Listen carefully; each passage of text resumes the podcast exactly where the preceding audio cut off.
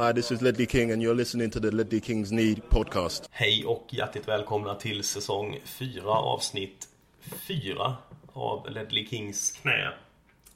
Eh, jag heter Robert Folin, jag vet inte om ni minns mig, jag har varit med här någon gång förr. Och med mig idag har jag en person och det är ingen mindre än Marcus Håkman. Ja, Välkommen känns- Marcus. Tack så mycket. Eh, vi, eh, vi gör ju som Tottenham idag. Vi ställer upp B-laget på torsdagen. När vi spelar in ett eh, samma dag som eh, vi möter... Eh, ja. Är det Azerbajdzjans stolthet vi möter? Vart var de ifrån? Var det Azerbajdzjan? Ja, det är. Qarabag. Mm.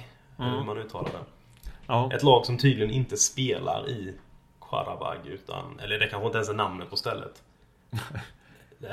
De spelar någon annanstans än där laget egentligen ligger för det är tydligen oroligt i den regionen.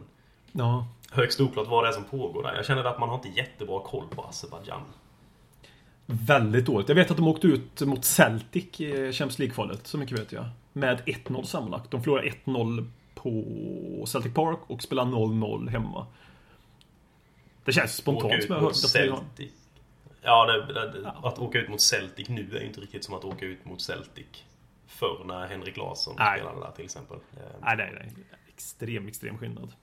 Så det, det, det ska vi väl ta. Men det finns ju inga skrattmatcher tror jag i Europa League. Så vi ska ju inte tro att det är bara är in och gå in och vinna med 5-0. Det tror jag faktiskt inte.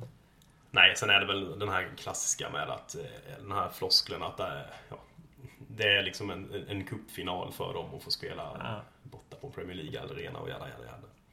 Men det kommer väl komma mer om det sen. Vi kan väl eh, helt enkelt eh, fastställa att BM är någonstans och eh, Forsell är på någon slags fistfest som jag sa här innan Ja.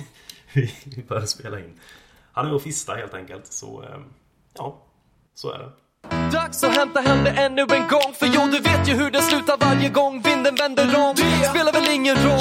Håller du finger långt? Alla de minne får De är ett minne blått Det här är ingen blå grej som rent spontant blir omtalat på något omslag som Heidi Montage. Eller Spencer Pratt är nog den endaste svenska MC'n som har en känsla för rap Så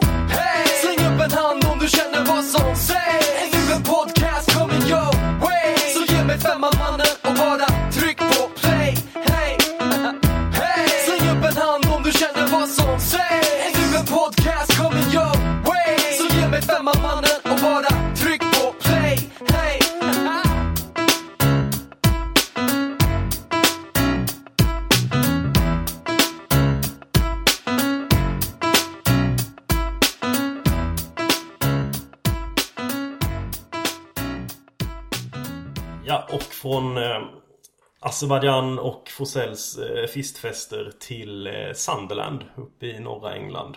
Där Spurs spelade förra helgen. Eh, och vann. Tog säsongens första seger med, var det säsongens sämsta insats Håkman, eller vad tycker du?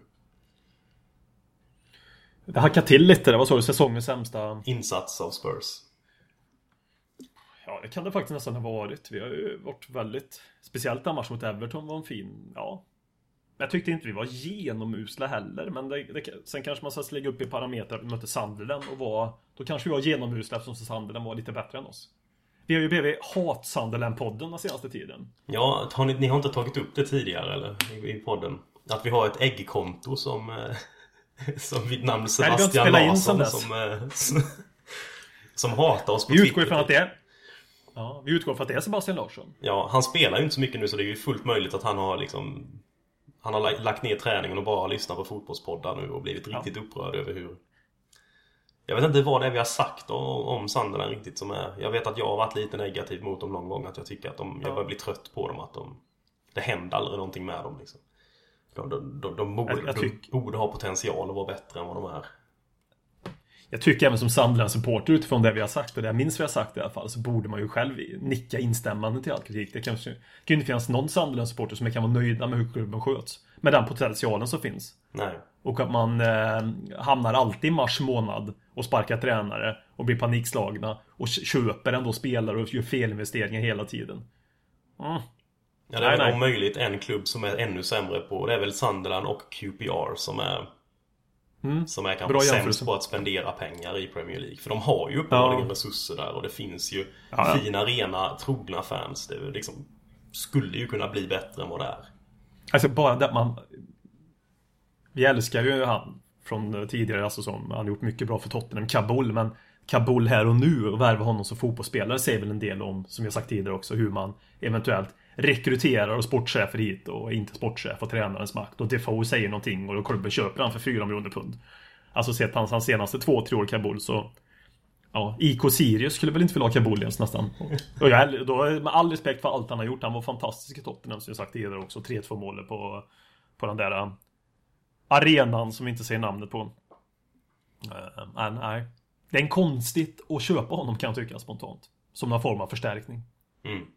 Nej absolut, för han verkar ju vara helt tänkt som, en första, som ett första val också i den här backlinjen. Ja, ja, visst. jag, hade kunnat Ja. tänk, jag hade kunnat förstå ett köp av honom som lite backup eller sådär. Möjligen försöka få honom att komma i form igen. Eh, Men inte förlita sig helt på honom kanske. Han har ju dessutom en skadehistorik som inte har varit jättebra de senaste åren.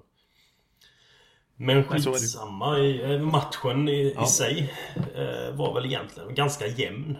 Första halvlek var väl inte jättekul att se på kanske men Det var väl snarare Sunderland där som, som hotade Spurs. Absolut. Defoe borde väl ha gjort mål där i friläget som han eh, skapade sig. Genom en fin genomskärare av någon i Sunderland mittfältet. Minns inte vem det var men... Som han sätter i stolpen. Där Ja. borde de väl ha tagit ledningen. Defoe brukar ju vara ganska bra på de här lägena kan jag tycka också. Ja, eller fast ibland är det lite när han får för lång tid på sig att tänka så blir det Ja. inte bra. Han, är, han ska vara instinktiv och bara skjuta tror jag det är. Han, fick, han var fri Ja. lite för länge där. Ja, Det är väl lite som med Kyle. Walker kanske, att när de får börja tänka så blir det sällan bra. nej, det, nej, det är så. Vissa ska handla impulsivt.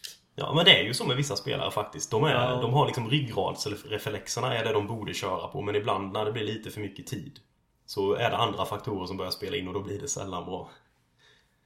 Nej, nej det är alldeles riktigt. Nej, du, du har rätt Defoe att ta tillbaka det så. De, de många, många, många mål han gjorde i Tottenham, det var de här rappa avsluten som bara kom i steget. Lite, ut, lite runt omkring boxen, inte allt för nära straffområdet heller. För där hade han ju en väldigt fin höger... Höger... Ja, höger doja så att säga som ja, smattrade in många mål. Mm. Ett av de favoritmålen Defoe gjorde så, det var väl det mot, eh, mot Manchester City när vi vände 0-1 hemma. Jag tror det var i Bales sista säsong och vann med 3-1. ja. Där Ja, han vände bort company och bara drog till. Det är som du säger, ett rappt skott som kom från ingenstans. Mm. Bortre. Det var... Jag satt och, jag satt, satt och tänkte under matchen, speciellt under första halvlek, jag nästan saknade Defoe. Hans... Eh, att han liksom hela tiden ville framåt, jobba mot målet. Det kanske är ett, sätt hur Sunderland också spelar mycket med omställningar. Att han, att han då blir den typen av spelare i, tot, i Tottenham här och nu. Kanske han inte hade haft det som vi spelar fotboll på ett annat sätt. Även om vi vill spela fotboll på det här sättet så upplever jag inte att vi gör det faktiskt. Ehm, så nej, jag satt och saknade Defoe lite där faktiskt. Men ja. Han har ju haft en ganska speciell... Eh, man måste säga att Defoe har haft en ganska speciell Tottenham-karriär. Och det är ju nästan aldrig så att han har varit helt ordinarie och given i ett. Spurs-lag. Men han har ändå alltså, gjort fantastiskt mycket mål med tanke på den speltid han har fått. Och det känns som att många Absolut. håller honom väldigt, väldigt högt. Ehm, Och det ska vi göra också, ja, tycker jag. absolut. Ja, ja, Det, absolut. det, går, det går vi ut och bestämmer nu att det är så det ska vara. Defoe gillar vi. Så är det. Det är Det får fakta. Punkt slut. Eh, Men det var lite pro- problem, speciellt i första halvlek så Våra kära belgiska mittbackar Som jag tyckte red, eh, styrde upp det lite bättre i eh, I andra halvlek hade problem med honom i första Och hade egentligen problem med Alla de snabba spelarna i Sunderland Även eh, Borino eh, var ju faktiskt bra i första halvlek med, Och eh, både Fartongen och, eh, och Toby Hade lite problem att hänga med där i, är det något du tror vi kommer se i, i eh, fler matcher i år? Att när det går fort hos mot, i motståndarnas anfall så har de två svårt att hänga med? Eller tror du vi kan, vi kan täcka upp det på något sätt? Svårt att svara på. Det är klart vi kommer få problem i vissa matcher naturligtvis på det, på det sättet. Men förhoppningsvis med, med tiden så kanske... Jag förhoppningsvis talar tiden för dem rättare sagt. Eh, Att de, att de kan eh, mer anpassa sig till varandra på ett bra sätt. Och sen är det det där med understöd. Att Dyer, även om man säger nu, jag vill inte, se- alltså, jag vill inte se att folk ser mig som en högerback nu när jag spelar defensiv mittfält. Att han går in och eh, blir bättre behjälplig. Nu tyckte jag faktiskt att han var bra mot Sunderland. Jag vill bara säga det att jag tyckte inte att han var dålig men att det kan funka ännu bättre så att säga. Just den trion där. Jag Men eh, alltså, jag, jag, är, jag är det jag är orolig för varför det inte funkar. Det jag är orolig för det är fotbollshjärnan på de där två. Alltså, min, min inställning till Vertongen vet jag. Jag har inte riktigt bestämt vad jag tycker om Toby riktigt än där. Men det är alltså, det, det kan jag uppriktigt. Det, första halvleken vi spelade mot Sandelen, det var lite som, absolut inte på den nivån för det hade stått 5-0 till Sandelen. Det var lite att säga Antonsson Granqvist där bak liksom. Fast med bättre fötter. Att de gick bort sig lite mycket. Ja, det är kanske sant. Ehm, Fatongen har väl en tendens kan jag tycka, men det kanske egentligen har med fotbollshjärnan att göra, att han ibland slår av lite och är ofokuserad. Mm. Eh, Men det kan ju faktiskt också vara att han inte helt enkelt inte uppfattar situationerna i tid. Så det ser ut som att han slår av och inte bryr sig, men att han helt enkelt inte fattar det. Och det är ju ännu värre egentligen. För jag tror det är enklare att träna upp och få någon att koncentrera sig på allvar än att träna Ja. upp någon och få dem att förstå fotboll på, på riktigt. Jag tror inte man kan Jag tror inte man kan lära ut spelförståelse Så jävla mycket, alltså till en viss nivå kanske du kan lära dig med åldern Men att lära ut sig och bli en begåvad fotbollshjärna det, nej, det tror jag inte jag kan lära ut. Nej, Men det som du säger, lära ut koncentrationen Det är nog betydligt enklare. Mm. Men jag, jag, tror, jag tror faktiskt att det är en kombination av båda Men jag tror att det känns faktiskt som att han har Att han Att det är mycket koncentrationer för Tongen Att han liksom stänger av För en millisekund och då kan man bli drabbad väldigt hårt också naturligtvis. Mm. och det, ja, det är min känsla med Fertongen. Han har ju väldigt mycket bra attributer och eh, har väldigt fina egenskaper i stort sett. Men det är ju det som... Det lilla sista där. Och då förväntas det nästan att den som spelar med Fertongen är lite mer mittbackschef. Mm. Utifrån eh, hur han är som mittbackstyp så att säga. För att det ska bli en bättre duo. Nej, jag, jag är helt, helt enig med det. Båda i, i belgiska landslaget så spelar ju de här två som ytterbackar. Och det säger ju Ja. kanske, dels säger det väl något om att, att Belgien har eh, ganska bra mittbacksuppsättning men också om att det är dessa två som flyttas ut där. Det tyder väl på att de har an- ett annat spel i sig också som kanske är mer offensivt och kanske inte är så Alltid sådär givet mittbacksspel. Och det kan ju vara lite oroväckande Nej. för att ha två. Det finns ju givetvis en stor fördel med att ha väldigt eh, mångsidiga spelare på egentligen alla positioner men den här mångsidigheten kan ju också komma på grund av att man inte är tillräckligt given på en plats så att man börjar spelas på Exakt. olika platser. Och då ser man enbart det som en styrka men det kan ju faktiskt bli en nackdel också i att man har aldrig tillåtits att bli chef på en position. Jag menar, du skulle ju aldrig... Okej, nu när Ledley King var yngre så spelade ju han in i mittfältare. Men när Ledley verkligen blev Ledley så är det, det är väl kanske den sista spelaren du hade flyttat på för att han var så jävla bra som mittback. Det var där han var chef. Och han gjorde alltid alla andra bättre också. Ja, Vilket- exakt. det, det finns ju ingen bättre egenskap. Du kunde satt Du kunde kunna satt vem som helst där. Du kunde kunna satt Mikael Antonsson i dagsform. Satt honom bredvid uh, Ledley King och Antonsson skulle bara bl- blomma ut. Och bli en eh, fantastisk spelare på ålderns höst. Så bra var Ledley King på att göra omgivningen bättre alltså. Mm.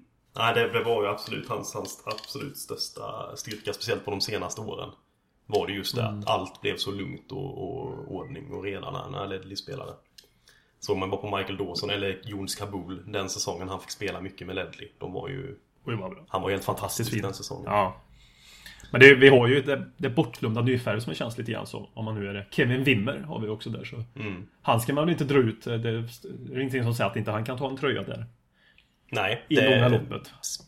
Speciellt med tanke på att de, de rapporterna man har fått om Wimmer tidigare är att han är just en, en, en konservativ mittback. En, en, en försvar. Och det är ju alltså, sånt är ju egentligen helt sjukt att man sitter och är lite exalterad över att oh, vi har en mittback som faktiskt är försvarsspelare. Det är ju... Ja. Han, och han sticker ut med det. Ja exakt, det är, lite, det är något nästan. exotiskt med det. Att, att vi har en back som kan försvara. S- Säger ryktena till och med, vi har inte ens sett det ännu men ryktena på, Nej, på gatan säger att Kevin Wimmer kan spela försvarsspel. Ja, vi kanske ungefär får se honom eh, ikväll mot Karabag. Vi får hoppas det.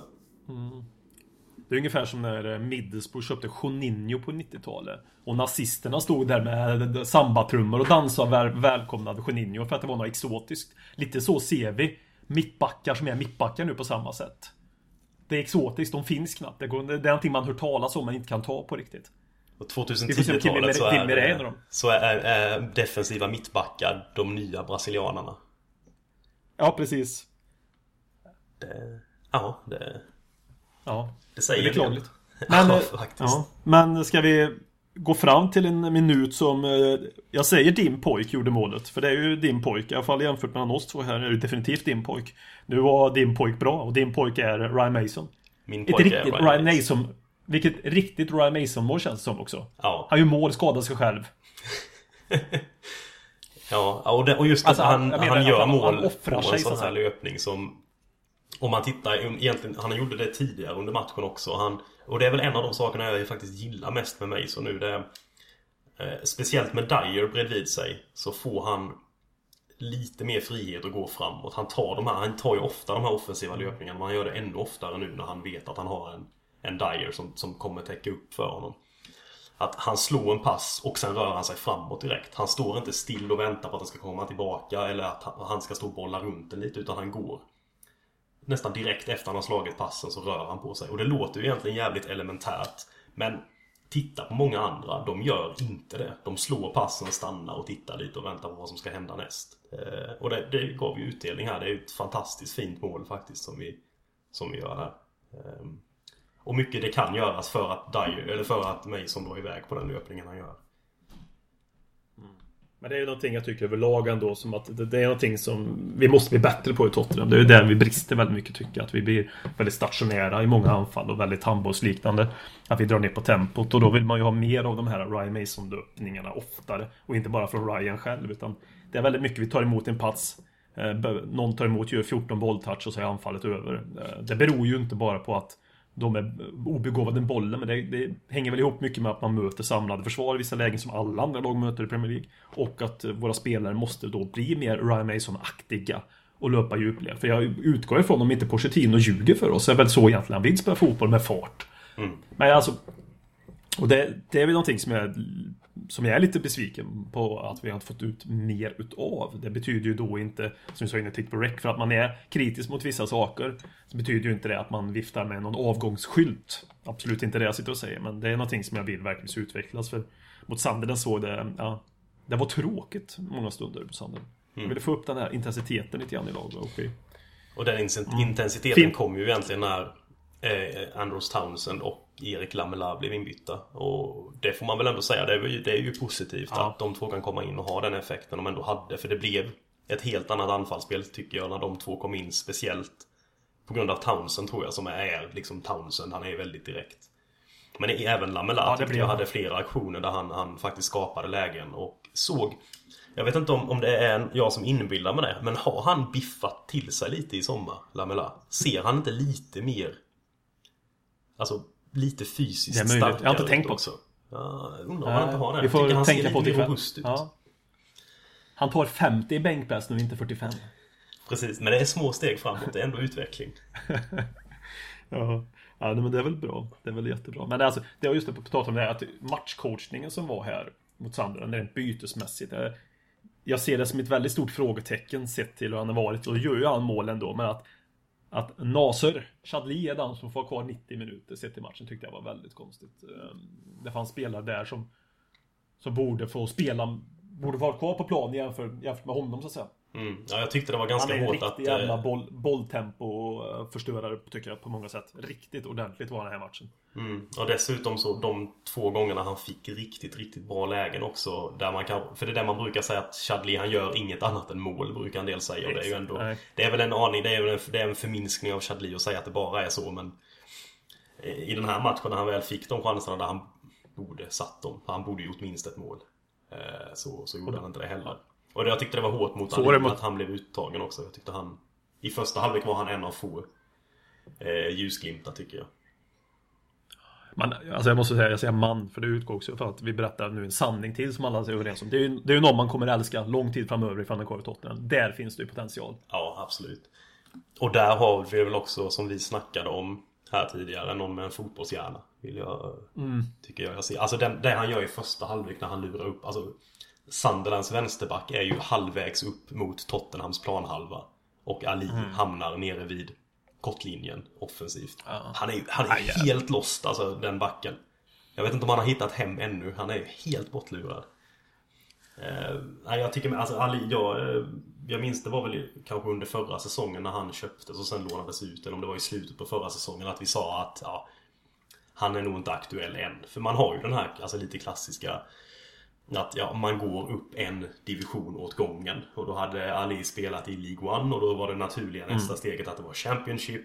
Och sen så skulle han bli utlånad till en Premier League-klubb och sen skulle han komma hem. Men det kanske är en av de fördelarna man har med Pochettino. Att han ser en sån talang och tycker att ja, då ska han få spela för han är faktiskt bra nog redan för det. Och, Men mm, rapporterna från träningarna, inte för att man har tagit del av dem, men man har läst, har han fått väldigt mycket beröm också. mm, Någon som de har lyft fram verkar mycket att Oj, var han så här bra? ja, Ehm, I, i, i träningsspel då. Och det, för att nu när han får spela från start mot Sunderland så det visar ju verkligen att det är ju en kille som vi tror på på riktigt här och nu redan nu. Det är ju ingen som Det är nästan så att han ja, Han är ju med och konkurrerar som kanske nummer 11 12, 13, 14 någonstans i rangordningen i Tottenham just nu.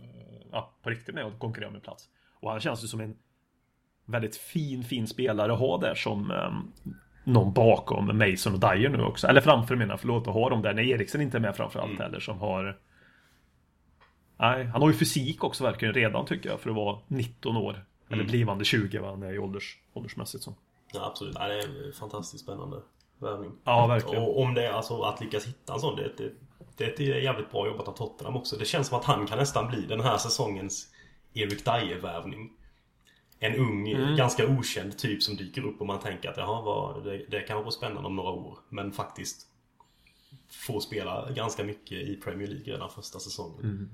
Och gör det bra också. Ja, han går in och absolut. är någonting. Han är, inte, han är inte passiv och gömmer sig utan han Nej. Ja, det märkt, det syns ju också att det är en spelare, vi kan ju förstå att han har gjort en del mål för han kommer ju in i boxen rätt bra också. Han, han har den potentialen att han jobbar sig gärna in. Mm. Och löper rätt i ytorna där. Han gjorde han 17-18 mål i League One. Ja, Ja, det var något One, men, riktigt, riktigt mycket mål. och det är ändå som mittfältare. Ja. Ja. Nej, fantastiskt Ja. bra. Eh, Före Chelsea. är han född i Chelsea? Nej, vi är före Chelsea. sa Ja, ja jag tyckte I, du sa att han är född i Chelsea. Jag tänkte jag fan, då måste jag revidera allt jag har sagt om Dali. En, är, en, är någon född i Chelsea? Nej, Ingen är född i Chelsea. alla köps in dit. Nej. Det är en helt Ja. tom stadsdel egentligen. Det finns inga barn där. Ja, nej det finns ingenting där. Bara massa jävla lyxbutiker kanske möjligtvis. Eller? Eh, Ja, vi är före Chelsea och det är ju, det är ju kul. Ja. Det är lång Hade, någon, väg sa- till- hade någon sagt innan? Ja. Om, vi, om vi säger så någon innan sagt innan säsongen. Efter fem omgångar kommer det ligga två poäng före Chelsea. Då hade jag sagt 15 poäng skönt. Inte 6 poäng skönt. Nej. Då hade man ju trott mer på 15, fem raka segrar kanske. Ja, det- Så är det. Eh, har vi något mer att Jo. säga om Sunderland? De... Eh... Ja, nej, Nej. det har vi inte. De åker ut. Vi, får, vi hör väl av Sebastian Larsson på Twitter så får vi fortsätta alla Sunderland-diskussioner där. Det gör vi. Eh, Qarabag har vi på näst på körschemat. De spelar vi mot nu ikväll här bara om några timmar så det, kom, det här kommer ju inte hinna komma ut innan. Eh, Nej. Vad fan vet vi om dem? De är från alltså- Azerbajdzjan och det du sa i inledningsskedet typ. Ja, nej, de, de spelar någonstans på en fotbollsplan har jag hört. Där finns, där finns plats för typ 5000 personer. Det lär inte bli speciellt mycket Spurs. Det, det måste jag säga. Jag ska bli jävligt imponerad om det är någon Spurs-supporter på den bortamatchen. För Dels tror jag du måste ha ett, ett visum för att få komma in i landet. Och jag kollade på hur man flyger från Bergen dit. Och det tar cirka 18 timmar flygtid för att ta sig dit.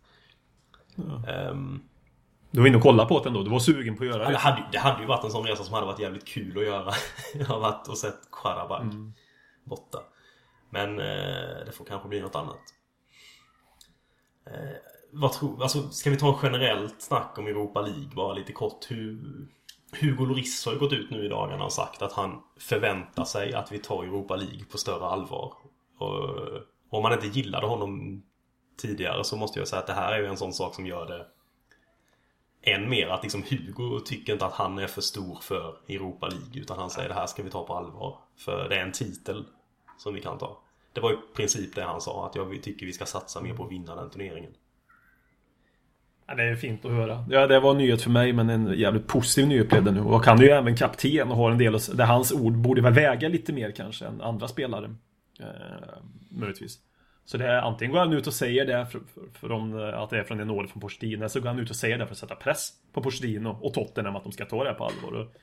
Jag önskar verkligen vi tar den här turneringen på största jävla allvar i år. Och det handlar liksom inte om att det är en väg in till Champions League, utan det handlar om att det är en chans att vinna en titel. Eller hur? Mm. Ja, han säger det, det är ju till en titel. Han nämner det förvisso också att och om man vinner den så är det en Champions League-plats. Men Ja. det är liksom som det- en parentes mer till det än att det är varför han vill göra det. Ja. Men personligen då, om man säger så, det är ju titeln man tänker på först och det är ju Loris också. Och Loris är ju en klok människa, så vi ska ju lyssna på Loris. Så. Jag gillar att du la fram det som att Loris säger det jag säger och Loris är klok så därför ska vi lyssna på honom. Så indirekt säger du att jag är ju också klok. Så att, eh, ja, ja. Men jag, jag håller med. Det är liksom, jag försöker undermedvetet liksom Eller medvetet höja mig själv på ett, på ett, eh, på ett smusslande sätt på liksom, på litet, ja. Det är bra att du är vaken. Ja, Jag jag ser det här när du försöker, när du försöker eh, via Loris lyfta dig själv. Men jag gillar det. Eh, vad tycker du annars om Europa League? Kommer det bli en... En, eh, en... Kommer det bli ungdomarna som får spela eller kommer vi köra ganska ordinarie tror du? Ja, tror väl lite grann det där, eh, båda delarna av kakan. Speciellt eh, i, en, i ett gruppspel, men nu har vi en ganska tuff grupp, jag måste säga. Det är fan ingen picknickgrupp vi kommer i. Vi kan mycket väl bli trea i en grupp med Anderlecht och Monaco och... Ja. Så det är, jag, jag tycker vi ska ta det här på allvar, eh, just för att... Vad fan, vi är ju med i en turnering. Vi, det är ingen garanti att vi är med i den här turneringen nästa år. Nej, det, det är det inte. Vi har ju blivit bortskämda med det. Ja, till, till en sån grad att, vi, att vissa till och med är liksom trötta på turneringen. Ja. Och- Men det är fantastiskt med mer matcher. Jag tror nu att jag, ur ett tv-produktionsmässigt sett här i Sverige, Eurosport har ju köpt rättigheterna. Nu heter de inte Eurosport, Discovery, någonting. Jag tror de kommer göra en bra grej utav det också. Alltså sändningsmässigt som kommer liksom Känslan härifrån kommer att Europa League bli lite sexigare Förhoppningsvis Ehm, Och vara en del av det här Europa League Det ska vi, fan, det är ju Tottenham ska ju spela i Europa Och det vill man ju fortsätta göra Och det är ju kul att få Så två sådana lag det menar jag, ta inte för givet så ta vara Ja, det är ju kul att få två sådana lag som Monaco och Anderlecht redan i gruppen också tycker jag. Att det blir riktiga matcher med en gång. Ja, visst och Anderlecht har vi en historik mot. Alltså i, i den här kuppen som heter någonting annat där och då. I en final 84 som vi har pratat om. Så mm, det har ju sin, det har ju sin historik också. Tvåla dit de där jävlarna igen. Vi hatar ju Anderlecht i den här podden. Det har vi ju alltid gjort. Det har vi rätt öppna med. Ja, det har vi kanske Ja. varit. Säger du det så? Säger du det så? Och sig, det är ju, det är ju Tony Park, säger deras eh, baneman. Det är han som... Det var väl han som dräpte dem Det var det. på straffarna. Det var det. Ja. Eh, Vad känner du om Europa League då? Nej, jag tycker också det, det. Jag vill tillbaka lite till den känslan man hade när, eh, när Timo Tainio sprang runt och knäade Sevilla-spelare och man tyckte det var bland det bästa som hade hänt på år och dag. Det var, alltså... Jag minns, jag tyckte Europacup, eh, Uefa-cupen var så, så jävla kul att titta på förr också. Så jag vill liksom lite tillbaka att det ska bli den känslan. Och då var det så i, i hela Tottenham.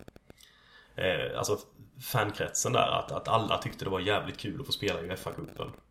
Eh, och jag, jag vill lite att vi ska dit igen. För det är ju... Det blir ju häftiga matcher. Alltså det, slutspelet sen är ju... Det är ju bra lag med där. Det är ju inga sopgäng som spelar. Eh, Och det är ju kul att få mäta sig mot det på... På annat håll än i Premier League bara. Ja men absolut. Och det är liksom, man vill ju se Tottenham. Mer matcher roligt och sen få se lite andra lag än att få se de vanliga Premier League-lagen. Inte för att nu vill åka ner till Championship för att möta lite nya lag här men det är... Det, vet, det, är, det är ju det här med, med, med kvällsmatcher, strålkastaren är på.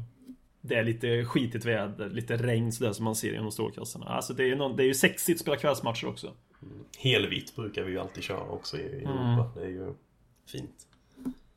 Eh, Nej, så jag tycker kör på. Eh, ganska ordinarie lag men viss rotation blir det ju. Men det är ju dels för att spelare måste få spela också. Ja. Och det är ju en Man vill- perfekt turnering för eh, spelare som står på gränsen in i laget att få visa vad de går för. Att de ska fan spela till helgen också. Ja men absolut. Ehm, Så är det ju. Så är Och det det är ju uppenbart att det är, alltså...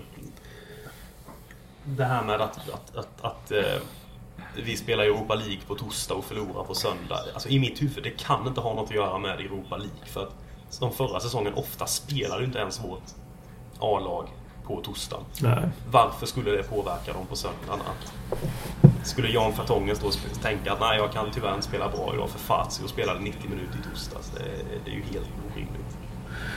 Jag, jag tror det nästan byggs upp en att det byggs upp en sanning att det är så även om man inte har spelat. Att spelarna nästan mentalt har någonting att skylla på. Nej, Jag vet inte. Det, det byggs upp... Det, det pratas mycket om att det är därför det går dåligt. Att det beror på att man spelar Europa League och då blir det inom situationstecken okej. Inte för att det blir en ursäkt för dem att inte ta i, men att det blir någon jävla mental jävla spärr. Som inte borde finnas där. Jag kan inte se på det annat sätt, för du, jag håller med dig helt. Vad fan, det var ju vissa matcher, bortamatcher, vi körde med en spelare som var med sen och körde på söndagen. Och ändå satt de där i studion, ja, Tottenham hade ju en match. Visst, de, de gjorde, vissa kanske var med och gjorde flygresan möjligtvis då, men alla gjorde ju inte det ens. Nej. Jag menar, det kan ju inte, alltså det, nej jag tror inte heller att det kan vara så. Det är klart, kör man med en och samma elva vecka ut, vecka in, torsdag, söndag, torsdag, söndag. Det är klart att det kan ha en påverkan. Det, det fattar vem som helst. Men nej. Jag tror det har byggts upp någon jävla myt kring det där och sen har folk typ att det är så det är och förhåller sig till det som att det vore en sanning och presterar utifrån att det vore en sanning nästan. Nej, detta får vara säsongen tycker jag. Vi spränger den här jävla torsdagsmyten. Ja, gör det. Och, och plockar vinster både torsdag och söndag. Och och framförallt, vad är skillnaden då? För de säger ju att det är, liksom det, det är mer speciellt med torsdag, söndag än onsdag, lördag. Du vet, Champions League onsdag mot Premier League lördag. att Det är inte alls samma effekt. Men det kan ju också bero på att de som spelar Champions League är ganska bra. Och de inte förlorar i samma utsträckning.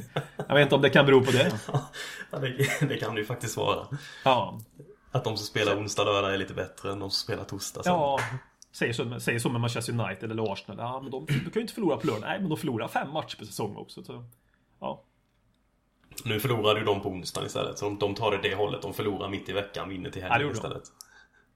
Ja, det var en skön, var en skön förlust. Team Zagreb. Som Ja. vi alltid har varit tydliga med i den här podden att vi gillar. Det gör vi, det gör vi. Vi gillar alla som eh, förstör för eh, de där. Så är det. Eh, ska vi ta något kort snack om Crystal Palace också som vi möter hemma på söndag? Mm. Alan Pardews eh, titeljagande lag. Ja, precis. Fantastiska, fantastiska Crystal Palace. Ja, de, är, de, är, alltså, de är ju lite grann Tottenham light Sett hur Tottenham var under Harry Redknapp känner jag. Alltså med, spelom, alltså med snabba spelare, spelomställningar och jobba mycket på det sättet. Irrationella spelare som Bolasi och Punchen och Zaha och de här som jobbar lite grann eh, som en Lennon, som en Bale. Fast menar jag inte att de ligger på den nivån, men det känns som att de har en den spelfilosofi som, som jag tycker är jävligt rolig att titta på när det funkar. Mm. Ja absolut, jag håller med där. Det, ja, den fronttrion de har där också, det är mycket speed i den. Zaha Ah. också som spelar där framme. Det, det går undan när det... där framme. Och Punchon är jag Ja, när det- svag för också. Han har... Ja, ja. Han är, det, Han är, är- det är en fin spelare. Och Bolasi liksom som var på många Tottenhams supportrars läppar under sommaren. Att, man, att det ryktades om, men ja. Han har nog sagt nej till, men inte till vilket pris som helst naturligtvis, men... Ja, de har, de har sen fått dit Kabaj också liksom. Mm. På köpet, den alltså. värvningen är, det är en, en Ja, det är fantastiskt fin alltså. värvning för... Mhm. Det hade ju varit en fin värvning för vilken klubb som helst Ja, egentligen ja, i Premier. League och för en klubb som Crystal Palace att kunna plocka in honom. Det är, det är starkt. Det säger väl lite också om... eh, Vi kommer komma in mer på detta sen om Premier League och deras, dess status i, i världen. Mm. Men det, det, det visar väl på också till viss del att en... Nu kanske Crystal Palace hamnar lite högre upp än mitten men säg att en mittenklubb i Premier League kan plocka in en spelare från eh, Paris Saint-Germain som är väl bland eh, klubbarna som har bäst löner i hela världen egentligen. Mm. Eh, Det säger väl en del. Ja, det gör det. det, gör det. Jag är imponerad. Ja, Jag tycker de har, de har en fin elva, Crystal Palace. Ur Crystal Palace mått mätt utan att kunna deras historik rakt av de senaste 30-40 åren så måste jag veta de finare upplagorna de har i alla fall. Mm. På, papper. Tony Pewley som var där och la grunden också. Ja, det är så är det. lätt för Pardew att komma in då självspelande Ja, det- piano. Vem hade inte kunnat ta över detta laget nu?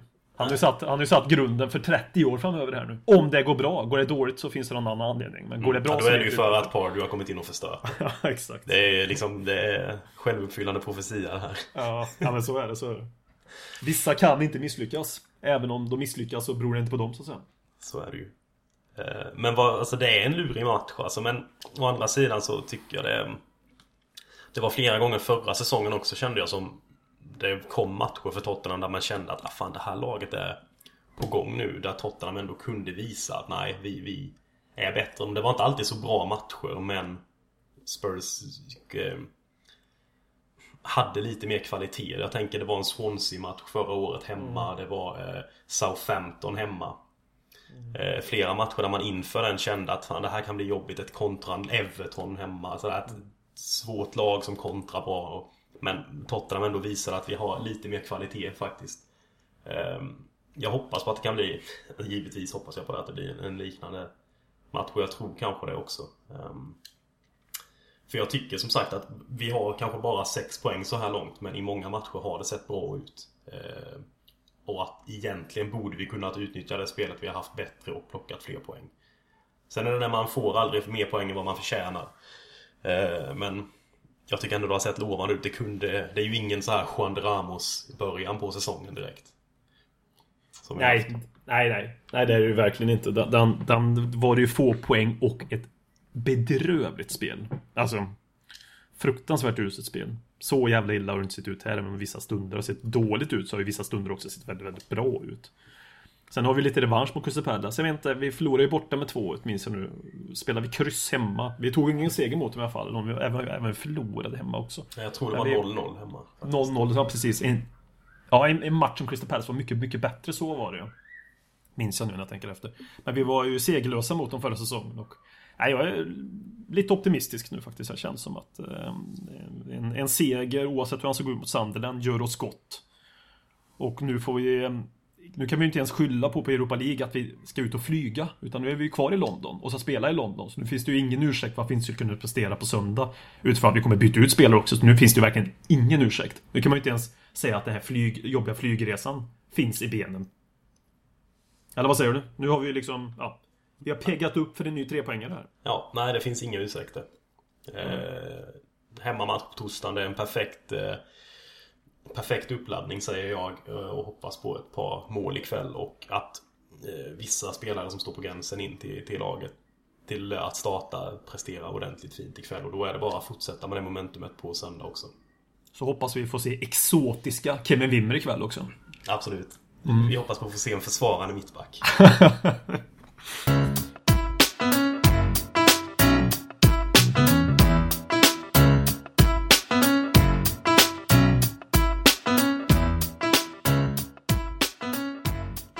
Eh, då... Det är inte vi som har skrivit körschemat den här veckan. Vilket kanske är lite konstigt med tanke på att det är vi som spelar in. Utan det är eh, Alexander, eller BM som han är känd som i, i folkmun. Som har skrivit körschemat och gett det till oss och sen har han dratt åt något annat håll. Vi vet inte var han är riktigt. Han är... Jag såg han satt och skrev någonting på engelska på Twitter innan. Han är väl... Ah, jag vet inte vad han håller på med ibland den här ungen alltså. Det är hopplöst.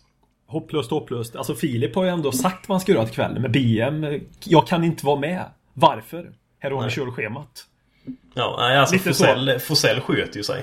Så ja. är det ju. Det är ju liksom en, en, en, en grabb som man, man, man kan lita på. Man mm. vet ja, vi... att uh, han, han, kommer sköta sig. Men VM, nej. All vi... den här mystiken, alla hemligheter. Det... Ja, det börjar bli jobbigt. Sen gjorde vi, ett, gjorde vi liksom en ursäktlista vad som, godtag, vad som var godtagbart eller inte. Och då var ju supa en av dem två. Varför man inte kan vara med. Så uh, Filip kör ju by the book redan. Han har supa. Då har han förstått att det är godtagbart. Då gör man ju det. Är det ja. så? Jo, jo, så är det. det Vad är den andra ursäkten förresten? Veckor, för du har supit i fem veckor. Ja, absolut så är det ju. Det har inte varit något annat. Den andra ursäkten, ja det vet jag inte. Det är väl en, vi har väl en ursäkt att säga istället. Supa. Ja, men oavsett så har BM skrivit att nästa punkt är Är Premier League och därmed Spurs överskattade? Mm. Det är väl antagligen lite kopplat till det här om att eh, det går så väldigt dåligt för engelska lag ute i Europa. Så nu är det ju till och med så att det kan bli att eh, Premier League kommer tappa sin fjärde plats till Champions League. Mm. Och då är ju frågan hur stor är den här krisen egentligen och vad är liksom Premier Leagues status ute i fotbolls-Europa eller i fotbollsvärlden just nu? Har han varit status nummer ett den senaste åren? Så känns det ju inte som. Spanien har väl ändå varit nummer ett? Ja, alltså Spanien alltså, har ju eh, pikarna där och topparna de har i ja. sina lag är ju väldigt, väldigt hög. Och jag tror faktiskt också att spansk, spanska mittenlag egentligen är jävligt underskattade av de som inte följer spansk fotboll. Jag gör det inte jag, jag följer absolut inte spansk fotboll tillräckligt nära för att för att egentligen uttala mig alls om det men de gångerna man ser, alltså kolla på Europa League, de spanska lagen som ligger lite eh, Alltså som, som ligger på Europa League-platserna som spelar i den turneringen, de är, gör ju ofta väldigt bra i den turneringen också. Och det handlar ju inte bara om att de, alltså, det, jag, tr jag, tror inte utan att veta nu, men jag tror nog inte att de kör med A-lag, A-lag, A-lag, A-lag, A-lag. De byter väl också ut spelare till Europa League, i alla fall i tidigare skeden. Eh, precis som engelska lag gör. Och sen kanske steppar upp ett när man kommer till kvartssemi och sånt där. Nu vet jag inte men jag antar det. Jag har ju svårt att tro att det är en helt annan Europa League-kultur i de här länderna jämfört med England. Sen får jag en magkänsla att England kanske eh, det pratas väldigt negativt om Europa League. Där faktiskt, det gör det ju. Jag menar, som jag sa, många, många avsnitt sen slut på förra säsongen. När Swansea blev åtta i Premier, Premier League, då sa han det bästa med det är att vi slipper Europa League. Ashley Williams, mittbacken där och lagkaptenen och Wales Walesmannen och allting sa ju det. Det bästa är att slippa Europa League. Så kanske inte alla ser men har vi sett, har engelsk fotboll sett som bäst? Jag tycker väl att England just nu ligger väl där trea, det är väl rimligt att säga. Mm. Jag tycker alltså och det är väl där de ligger tror jag i, i rankingen också. Jag vet inte om Tyskland är före också. Om det är Spanien, Tyskland, England. Jag tror det är så den, den är. Ja. Och det är väl frågan om, om Italien kommer gå om England. Ja. För italienska klubbar också gör ju Vilket också är lite märkligt. Folk skriver sådär om att eh, att jag är italiensk fotboll är väl inte så dålig. Alltså, Italienvänner brukar ofta hamna lite i den försvarspositionen och snacka om att kolla italiensk fotboll är ju inte så dålig. Men det borde de ju egentligen inte behöva göra. Det är ju bara att kolla på hur Alltså de italienska klubbarna har ju också... Du hade Juventus i final förra året. Mm. Du har eh, Roma nu som höll relativt jämnt med Barcelona igår. Liksom det, det finns ju... De två klubbarna och även Inter i år tror jag kan bli ganska starka. Ja, de har ju värvat väldigt fint inte. De har ju... Folk kan ju, inte, kan ju inte på allvar titta på de lagen och tycka att ah, vilket, vilka skitgäng. Nej. Nej, nej, nej. Och sen, sen känns det som italienska supporter överlag. Eh, de, de eh, framhäver ligan och på ett helt annat sätt än vad engelska supporter gör. Alltså, alltså vikten av att det går bra för andra italienska lag om du inte är en extremt rival till någon av lagen. Att Mm. Jag sitter ju inte och knyter näven när Chelsea vann mot eh, Tel Aviv här nu direkt. Yes, bra Uefa-konfidensen liksom. Det är bra för den. Eller skakar på huvudet Arsenal. Ja, nu är vi rivaler så det kan man ju aldrig göra. Men du förstår vad jag menar. Det är inte, nej, den, nej, den delen finns ju inte där.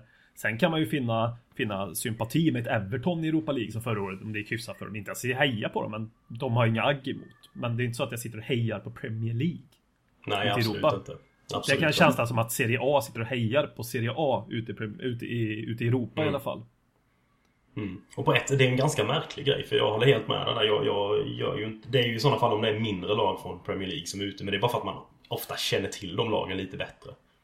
Att, liksom, ja, att eh, som nu, även om Swansea inte vill vara där så hade jag till exempel tyckt det var ganska kul att se ett Swansea ute i Europa.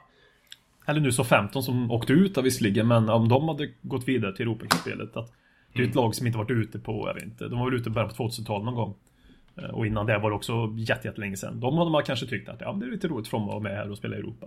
Eh, på ett annat sätt för att de inte är ute på den scenen så ofta. Men det handlar ju inte om att de är Premier League-lag. Det handlar om att man kanske man vet lite mer om den klubben och då, tack vare det kanske tycker att de förtjänat lite grann. Eller inte förtjänat men att alltså, ja. Nej för själv så sitter jag ju... åt dem. Ja, absolut. Men själv sitter jag ofta när det är Champions League. Då tycker jag ju bara det är kul när de brittiska lagen förlorar. Ja, jo. Det är ju jättekul när Manchester City åker ut i gruppspelet igen. Och ja. När Arsenal åker ut i åttondel mot Bayern München. Igen. Igen. Och när Chelsea får stryk eh, mot eh, PSG var det vad som ja. slog ut dem. Det är ju jättekul, det är perfekt. Ja, man sitter ju inte och, och gräver ner sig och dricker 14 öl i sorg liksom riktigt. Nej, och jag skulle ju aldrig få för mig att hoppas så att jag hoppas det går bra för Arsenal i Champions League så att inte Premier Leagues Europa-koefficient påverkas. Det kan ju gå åt helvete. Ge det två platser för, ja, för Premier League i Champions League för att, att det ska börja gå bra för dem där ute så de kan hävda sig och ute i Europa också. Nej, det... Det skiter jag fullständigt i. Nej, ja, det är ju Faktiskt. fullständigt jag också. Det är alltså, ja. Det kanske kan, bli, kanske kan bli intressant att se hur en, hur en sån diskussion skulle bli om vi nu skulle gå från, från fyra till tre Champions League-lag. Mm hur, vilket klimat skulle det bli i England? Skulle man börja rannsaka sig själva? Visst, pengarna finns, men kan man då investeras på ett bättre sätt? Nu är det klart att Premier League-klubbarna får då det är ju det är naturligt att Premier League-klubbarna får betala ett annat pris än andra lag får göra för samma spelare. Alla andra ligor får göra för samma spelare för att det finns mer pengar. Det är ju liksom, det är ju logiskt sett ur ett, ur ett ekonomiskt synvinkel också att... Eh, ja, att tuggummit kostar inte lika mycket för Villarreal som, för, eh, som det gör för Tottenham. Det kostar mer för Tottenham med ett, ett tuggummi liksom. Mm. Och det är, ju, det, är, det är ju logiskt. Men man kanske ska... Det kanske finns så mycket pengar, nu, nu, nu pratar jag lite fritt här. Det kanske finns så mycket pengar i England att man kanske inte riktigt gör scouting på samma sätt. Man har Mm. Nej. råd att misslyckas och då, då blir det fel och då bygger man inte, alltså, ja. Ja, jag, är helt, jag förstår helt vad du menar för det, det är ju ganska uppenbart egentligen med att, alltså de pengarna som League har haft.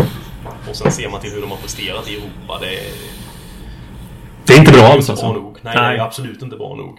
Då är Och att, att eh, brittiska klubbar eh, kanske kastar ganska mycket pengar ibland å- åt spelare helt beroende på rykte kanske. Och inte så Mm. mycket scouting. Det, det tror jag absolut är en sanning. Det har ju Tottenham gjort om inte annat menar jag. Ja, ja, Eh, Men även en klubb som Southampton som man snackar om ofta gör väldigt bra värvningar. Men en sån som Osvaldo är väl en av deras dyraste spelare Mm. någonsin de har plockat in. Han kostar väl en 12-15 miljoner eller något sånt där pund tror jag. Vad gjorde han? Han gjorde en 10 matcher och sen så... Han var snygg. Ja, och sen blev han hipster. Och då, har du sett den senaste bilden förresten på honom från, Por- på, från Porto? Nej. Han är väl där nu och härvar. Det ehm, eh, jag tror han har käkat en eller två hamburgare sedan han var i Southampton alltså. Han har rundat till sig ganska rejält. Han ser lite ut som en, en liksom 35-årig gammal gitarrist från ett hårdrocksband som det inte gick så jättebra för. Så han var jävligt snygg när han var 25 och då gick det bra. Då var det mycket, mycket som gick med honom. Men sen så sen blev det tungt när Jack Danielsen inte lämnade kroppen så enkelt som den gjorde förr utan den stannade kvar lite. Då, ja. Ja. En parentes, Osvaldo. En viktig parentes. Ehm, Men just om Premier League, för jag tror... Alltså kvalitetsmässigt så eh, är den ju absolut inte världens bästa liga. Men jag tycker underhålls... Alltså för mig så är det en underhållning i Premier League som jag inte riktigt hittar i någon annan liga. Närmast den är skulle vara tyska ligan tror jag. Den tycker jag också. Den har liksom en fart och en liten så oberäknelighet som jag tycker är, eh, är eh, jävligt underhållande att titta på. Och just produktionerna som kommer ut från Premier League ju, håller ju ofta jävligt hög klass. Ja, så är det. Men sen är det ju också här att, att underhållning sitter ju inte bara i kvalitet för mig. Nej, Ja, absolut. men, så mycket som jag följer svensk fotboll så går det ju inte att säga att det liksom bara är liksom hur, hur kvaliteten är på spelet. Det är så många andra parametrar som väger in för mig. Alltså för mig blir ju också engelsk fotboll. Det är att man har följt engelsk fotboll sen, sen 89-90 någonstans för mig. Och man kan så väldigt mycket om, om lagen, man vet vart de ligger på engelska kartan, man kan lite grann om deras kultur och städer överlag. Lite, lite, lite svag allmänbildning som Sheffield kanske, inte för att de är med där. Så man får en större känsla för alla lag tack vare det, för man har, en, man har liksom följt dem under så lång tid. Och då kan inte, då kan ett möte som, som till exempel Crystal Palace mot, mot eh, Swansea bli mer intressant för man kanske vet mer om Swansea än man vet till exempel om man skulle titta på en, på en Serie A-match emellan eh, Udinese mot Kevo till exempel. Ja. Man, man, har en, man har en annan relation till laget. Till lagen i, i England liksom. Och det, och då, då spelar inte alltid kvaliteten så väldigt stor roll. Det är klart att man vill se bra fotboll, men det är också det definitionsfrågan. Vad är bra fotboll? Nej, Alltså- alltså, nej, helt med. Är tju- Det är Men det är ju det som, ja. den underhållningen och den farten ofta som Premier League. För det, alltså rent taktiskt sett så kan ju Premier League ibland bara antagligen vara en helt bedrövlig liga om man tittar på den. Eh, Ta som, som Martin Åslund till exempel, som jag tycker är en helt fantastiskt bra expert. Han eh, brukar ofta prata om det, att han är väldigt glad av att titta på taktiskt bra fotboll. Och då kan jag tänka mig att Premier League måste vara jävligt frustrerande att se ibland när det liksom bara är mittfältet nästan helt utraderat. Det bara svänger fram och tillbaka. Som tar Aston Villa Leicester. Det var ju Ja, en perf- perfekt Pre- Premier League-match. Ja. Det blir ju knappt mer Premier League än så. Helt Nej, vilt bara fram och tillbaka, fram och tillbaka. Tokpress, forcering på slutet. Det är klart, du sitter ju inte och tittar på den och tänker det här var en helt fantastisk taktisk match mellan Claudio Ranieri och Tim Sherwood. Två giganter, eller en gigant. Men ja, nej. Nej, så är det ju inte. Men jag menar, underhållning, man får underhållning så mycket mer än bara på planen. Alltså, det, för, mig, för mig handlar det liksom, det är svårt för mig att sätta mig in i en, em, en match som inte har stor betydelse. Om det inte är Premier League. För att i Premier League, som jag sa tidigare, så känner man till så mycket mer än bara fotbollen. Alltså man vet, man vet andra saker. De flesta vet säkerligen det som har följt Premier League ett tag. Och då blir det också lättare att, att förstå matchen på ett annat sätt. Det är ett lite diffust svar så direkt på något sätt. Ungefär som att men historien, kunskapen om ligan förstärker även matcher som inte har den kraftiga betydelsen. Så att säga. Mm. Men om man vill gå tillbaka till, till VMs fråga så tror jag att det är nog fullt möjligt så att både Spurs kanske och eh, Premier League är rent kvalitetsmässigt kanske lite överskattade ute i Europa. Eller kanske inte ute i Europa, men av folk som följer Premier League. Ja, det är säkerligen så. Men sen, sen är det också sådär... Det handlar väl om kunskapen man har, har, har om Europa i övrigt också så att säga. Det är väl som du säger, det kanske är så lätt att se ett mittenlag i Spanien och tänka ja, det är ett mittenlag och vi blev ändå femma. Det där ska vi väl kunna ta. Ja, det handlar, alltså, att man hyllar Premier League handlar nog mer om att kanske inte har att man har lite dålig omvärldsbevakning i fotbollen i övrigt så att säga. Tror jag. Mm. Nej, alltså så, det, det, i min i min kanske aningen, aningen fördomsfulla värld så är det så att i, i Spanien där har du liksom teknisk briljans du inte hittar någon annanstans i Europa. Mm. I Italien har du den, den, taktiska briljansen. I Premier League styrka är tempot. Mm. Eh, att, att, spelare är vana där vid att det går fort, det svänger mycket fram och tillbaka. I Tyskland tror jag styrkan lite är att de har på senare år utvecklat ett tempo där som har mer kommit ja, liksom, det tempot har kommit med en taktisk tanke bakom det. Mm. I Premier League tror jag att tempot är liksom traditionsbundet. Att det ska gå fort här. Det har det alltid gjort.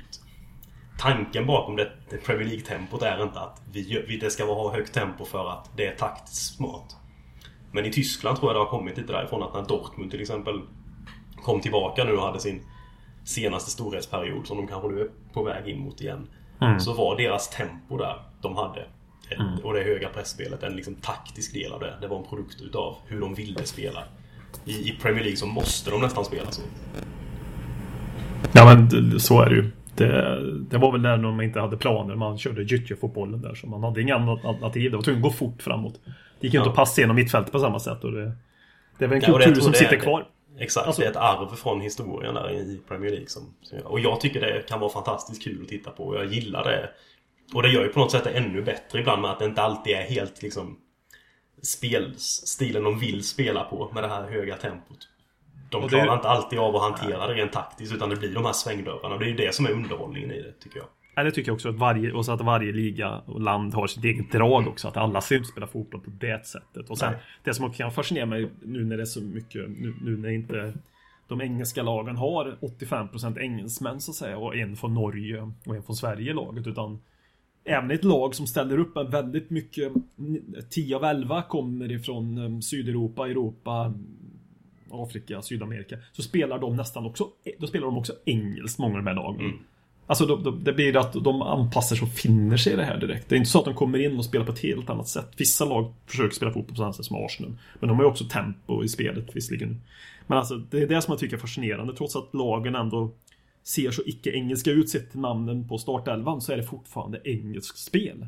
Trots att det är så mycket icke-engelska tränare så är det fortfarande engelskt spel överlag. Det, det säger ju en del hur stark den kulturen är. Ja, absolut. Och det, den hoppas vi förblir där. Det hoppas vi. Även om det betyder att engelsk fotboll kanske inte är nummer ett. Att det inte är då när början på 2000-talet eller mitten, det var tre utav fyra lag var semifinal i Champions League. Det är ju liksom, det är ju unikt. Det går liksom inte att förvänta sig en sån. Det är ju, det är ju sinnessjukt alltså. Och då var man väl faktiskt många, till stor del, så var man så långt i den turneringen för att man inte spelade speciellt brittiskt ute i turneringen. Ja. Både Chelsea och United hade väl ganska då hade inte de dåliga lag, men de såg till att hålla jävligt tätt bakåt. det var ju Rafa Benitez och José Mourinho på den tiden. Ja. Vi vet ju båda vad de kan göra för att vinna fotbollsmatcher. Det kan vara väldigt tillslutet om man spelar mycket på motståndarens misstag. Och då, alltså, det får man göra, det säger jag ingenting om. Men det kanske passar bättre i Europa också. Mm. Så vad är vår konklusion? Premier League är nog kanske kvalitetsmässigt eh, världens tredje bästa liga. Premier League är där, där han är liksom, i ranking tror jag. Ja. Här och nu. Trea. Så, ja. Sen finns det alltid supportrar som överskattar eh, sina lag och sina ligor. Det finns det i alla ligor. Men jag tror också BMs fråga bygger sig också att han läser mer om engelsk fotboll och har en då uppfattning om att det är mer Tottenham-supportrar, engelska supportrar som övervärderar sin liga. Vi vet ju också vad BM tycker om engelska supportrar så... Eh... Nej men alltså förstå mig rätt, alltså det är ju oftast så att, säga att vi, vi säger oftast Oj vad alla är kritiska i Tottenham. Vi gnäller så mycket. Ja, men vi läser ju 95% om Tottenham. Hade vi varit Manchester United-supportrar hade det varit samma sak. Det är att det finns lika mycket supporterfetton som sitter och gnäller dag ut och dag in på allting. Så det, det är en supporterskada. Talkman show, Talkman show, Talkman, Talkman, Talkman show.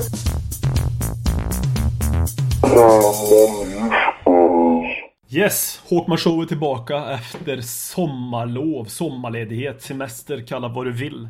Eh, första Håkman Show på säsong 4. Jag tänkte inleda den här säsongen med att prata om tatueringar. Och tatueringar som sitter på fotbollsspelare världen över, inte bara i England. Det har blivit en trend att ha sleeve-tatueringar som det heter. Nu har jag tatuerat hela jävla armarna. Var och varannan fotbollsspelare har det och det är ingenting som förvånar en längre. Men det finns vissa där spelare som jag tycker absolut inte borde ha och det finns en som inte ska ha som inte hat och en som har som inte borde ha också. Jag tänkte börja med den som har som inte borde ha Lionel Messi. Som har en sleeve-tatuering. Första gången jag såg det så tänkte jag det var sån där fake-tatuering. Jag vet man kunde köpa som ett som man som drog över armen när jag var i Thailand som jag såg ut som man hade en sleeve-tatuering. Någonting naturligtvis jag inte köpte, vill jag bara påpeka. Men Lionel Messi som har en sleeve-tatuering, det känns icke-kompatibelt till att ha tatuering. Det känns jättefel och varje gång jag ser det så får det att minnas när jag var 5-6 år och sprang på gårdarna på Kronparken i en stadsdel i Karlstad. När man gjorde så här fake-tatueringar som man gnuggade på. Lite grann den bilden får jag Messi att det har. Sen vill jag också hylla en spelare som inte har några tatueringar, som inte heller är tatuering-kompatibel på något, något sätt. Det är Harry Kane. Han har, vad jag vill se, inte en enda tatuering som är synlig i alla fall. Jag hoppas att det så förblir. För att se Harry Kane med en slivtatuering blir bara så, så fel. Lite grann som att ta på uppstått Peter Crouch också med en slivtatuering. Skulle också bli så, så fel. Så respekt till Harry Kane och fuck off till Lionel Messi. Tack. Talkman show, Talkman show, Talkman, Talkman, Talkman show.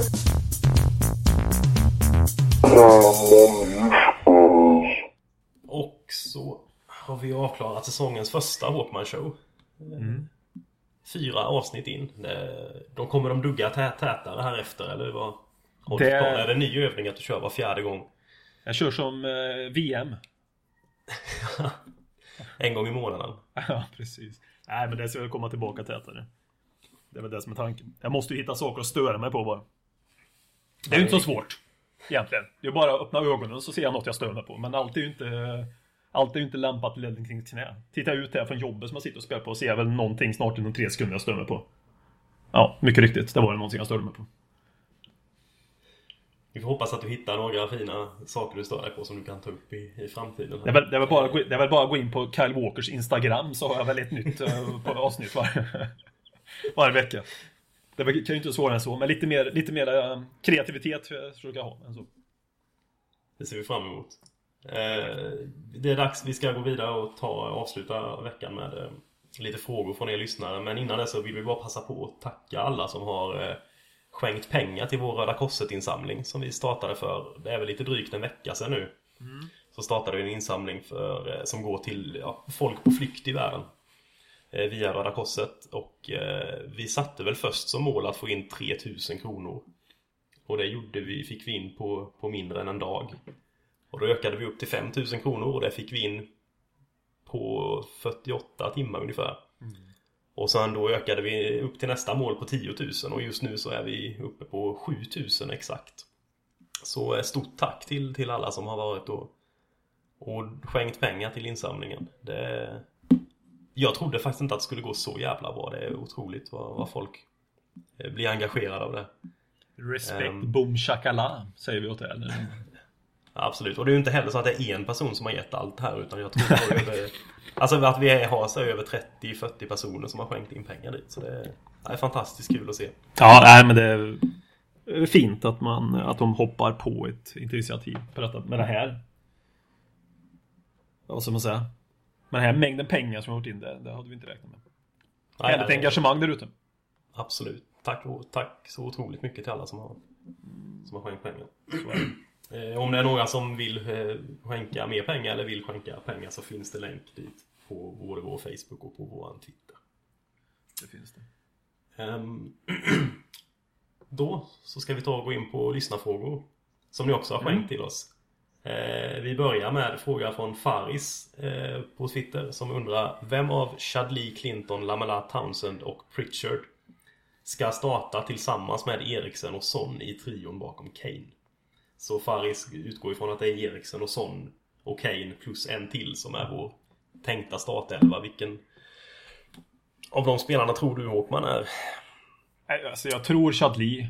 Men hoppas att en snabb, snabb Clinton ska kunna vara så fin, fin så att han kan ta en, en plats och göra någonting på ett annat sätt. Bara för att få en annan typ av dimension där. Än, äh, än vad vi har där. Så det inte blir lika barnleka bäst. Men jag, jag tror Chadli. Här och nu i alla fall. Mm. Ja, jag tror just nu så tror jag Chadli hålls väldigt högt av Pochettino också. Men jag tror väl samtidigt också att möjligen att den här eh, trion bakom Kane inte är så fast som man kanske tror. Jag tror det kommer roteras en del där. Lite beroende på vad vi möter för motstånd. Eh, och jag tror det behövs också för att vi har ju faktiskt ganska mycket alternativ där. Ja. Ehm, och det bör ju rimligen ses till att eh, alla där får spela lite.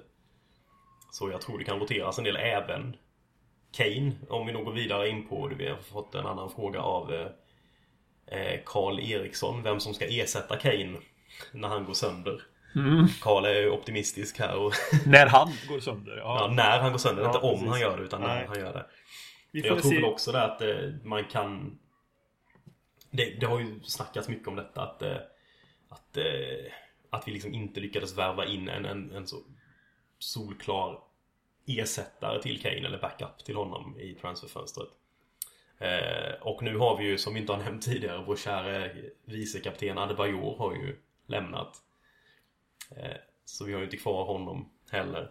Jag tror faktiskt det kan vara tänkt, för både Son och, Chad och, eh, och eh, Clinton, förlåt, har ju spelat som anfallare också, inte nödvändigtvis alltid som ytter bara.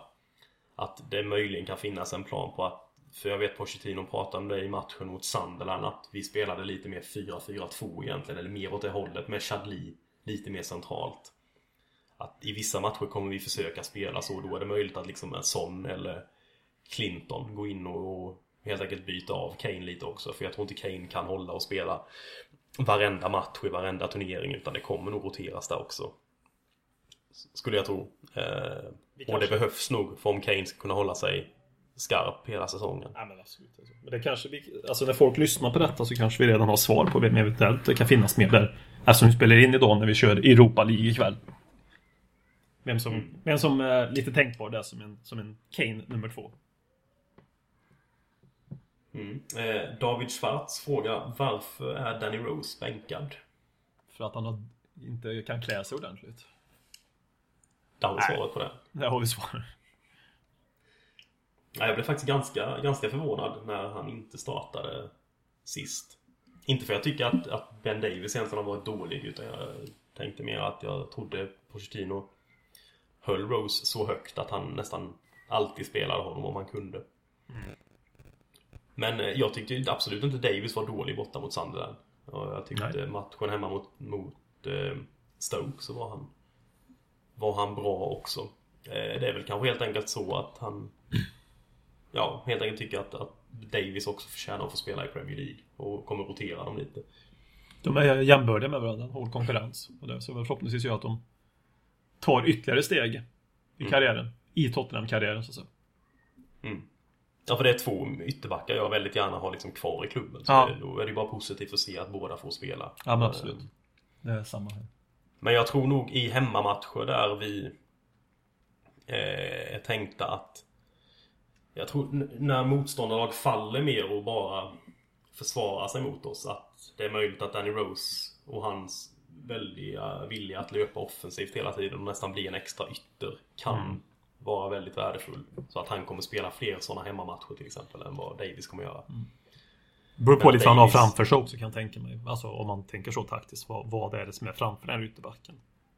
Absolut. Ja, Jag tror Davis är bättre på att hålla defensiven med Chadli framför sig än vad Rose är. Inte för att Rose är dålig eh, defensivt men att han drar iväg mer och då behövs det att ytten framför kan täcka upp lite och hjälpa honom defensivt. Förstår. Det gör ju Chadli inte jätteofta. Förstå vad långt man har kommit i sin fotbollsutveckling på ett negativt sätt när man säger att Rose inte är dålig defensivt. Vilket acceptans mot dåligt ytterbacksbeteende man har fått då. Eller är det bara jag som tycker att han är? Jag tycker att han är svajig defensiv alltså fortfarande. Han har blivit bättre men... Danny? Mm, Danny Danny. Ja, nej han...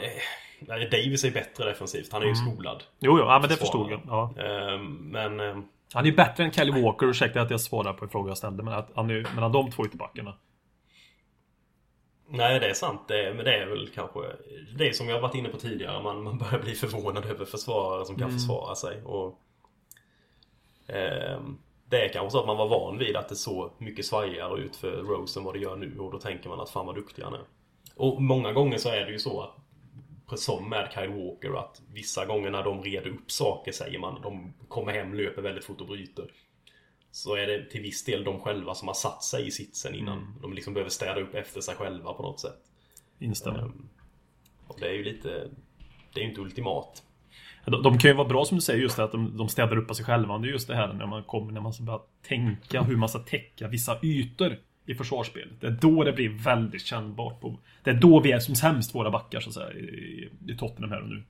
När man, liksom- när man, det är nästan så att vi blir, vi blir sämre när, när, liksom, när motståndarlaget får hålla i boll och försöka hitta ytor, för då går vi bort oss. Trots att vi kan vara jävligt samlade ibland, så kan vi gå bort oss. Mm. Jo, det, det är en god poäng. Det är väl något som Rose och speciellt våra ytterbackar är dåliga på. Ja. Att veta när de ska täcka av, när ska vi... Liksom, vilken yta ska vi Ja, skära av? Hur ska vi leda yttern eller anfallaren? Man, som, man, som försvarare ska man ju kunna det. Man ska kunna läsa åt vilket håll ska jag tvinga den här motståndaren att flytta sig. Man vet vilken fot han är sämre på, åt vilket håll, hur de vill anfalla, de vill slå inlägg. Kanske eh, från, från kanterna, då ska man försöka leda bort dem därifrån och så vidare. Sådana beslut och den taktiska delen känns ju som att det saknas. Den förmågan saknas hos våra ytterbackar. Eh, speciellt Rose och Walker.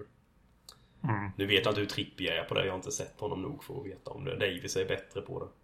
vi har fyra ytterbackar i startelvan kan man säga. Då. Ja, nästan. Ja, vi har ju de belgiska ytterbackarna Ja. in också. Eh, Mikael Ström ställer frågan Hur ser vår startelva ut efter jul? Jag har ju sagt det tidigare, har väl hela podden kanske sagt egentligen att vi tror att eh, Jag tror att Trippier kommer vara eh, nära, ganska nära startelvan i alla fall. Ehm, just på grund av det vi har snackat om här. Jag tror han är mer ytterback än vad Kyle Walker är på speciellt defensivt. Bra inläggsfot också. Absolut, precis. Det var något, jag tycker det är synd med Walker för jag minns första säsongen han spelade så var han jävligt direkt. Och han, han hotar offensivt på ett helt annat sätt än vad han gör nu. Det känns som att han springer framåt men han får inte alls ut det han fick ut första säsongen i Spurs. Nej, jag är exakt enig med dig. För det, då hade han en offensiv ändå som skulle kunna liksom vägas upp mot lite sämre defensiv. Att man kände att man då fick ut väldigt mycket mer på offensiv på den kanten. För han gjorde allting i fart. Nu gör han att tar emot bollen och så stannar han oftast upp anfallaren. Då blir det inte i fart. Han har inte samma självförtroende i inläggsspelet. Alltså, det är lite grann så säga, som vi sa, jag vet inte om jag sa det när vi spelade in eller inte. Alltså, man ska, han, han ska handla mer impulsivt hela tiden. Börja inte tänk Karaoke. Tänk för fan inte. Agera bara utifrån eh, vad som kommer upp i hjärnan. Impulsivt. Det är denna veckans visdomsord. Tänk för fan inte Kyle Walker. Vad har, vi har eh, Max Söderström som undrar vart ska Mason egentligen spela? Han sitter ju inne på ett väldigt bra djupledsspel. Jag tycker väl egentligen han ska spela där han spelar. Eh, Jag tycker vi har bättre alternativ som Tia och Eriksen och Ali och Pritchard egentligen.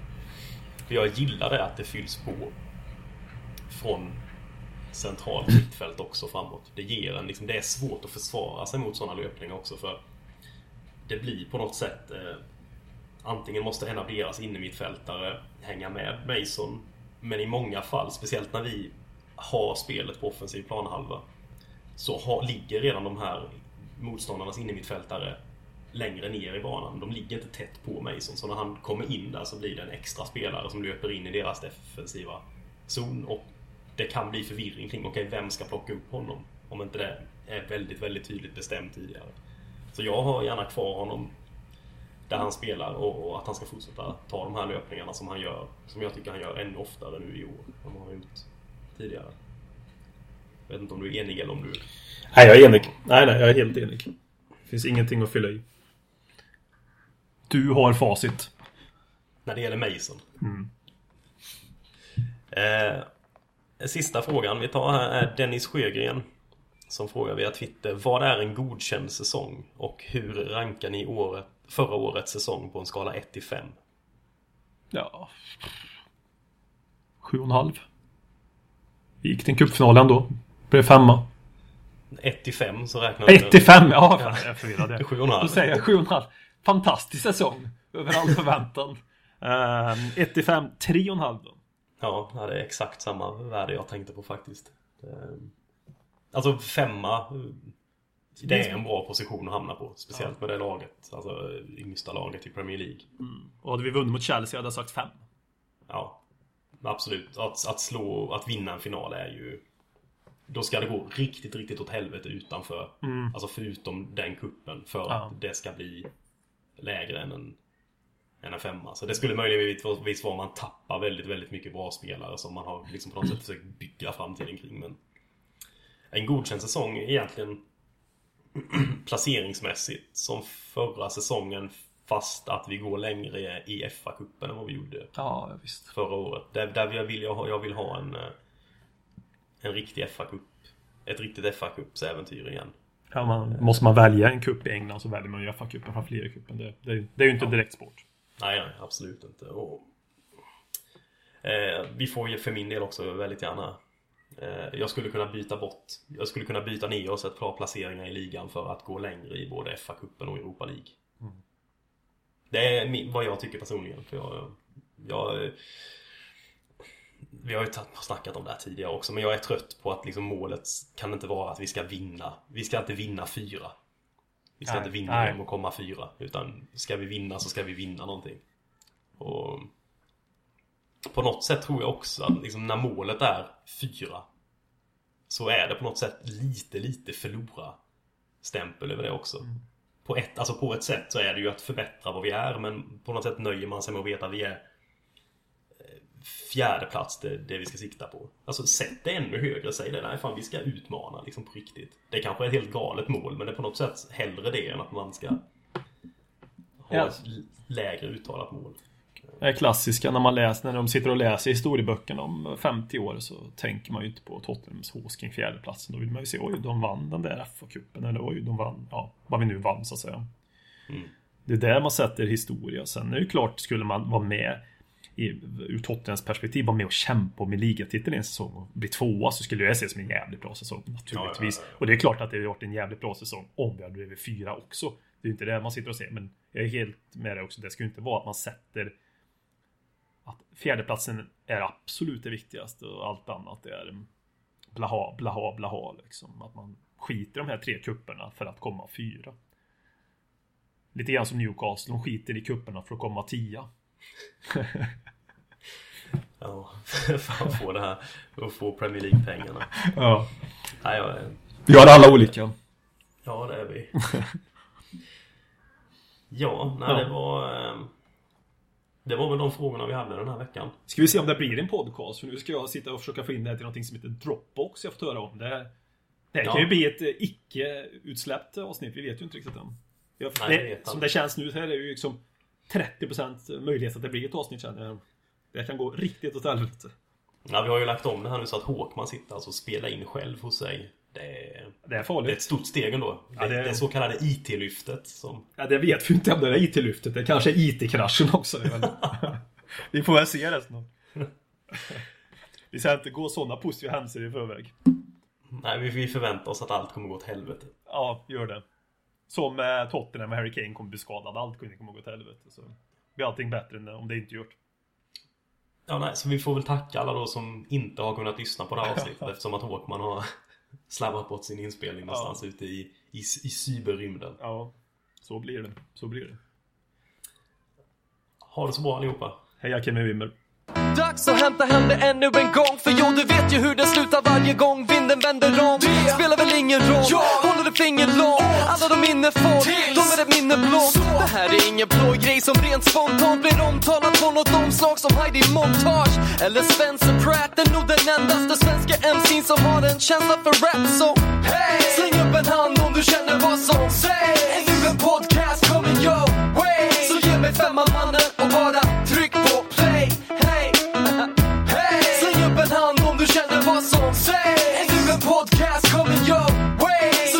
cut my mama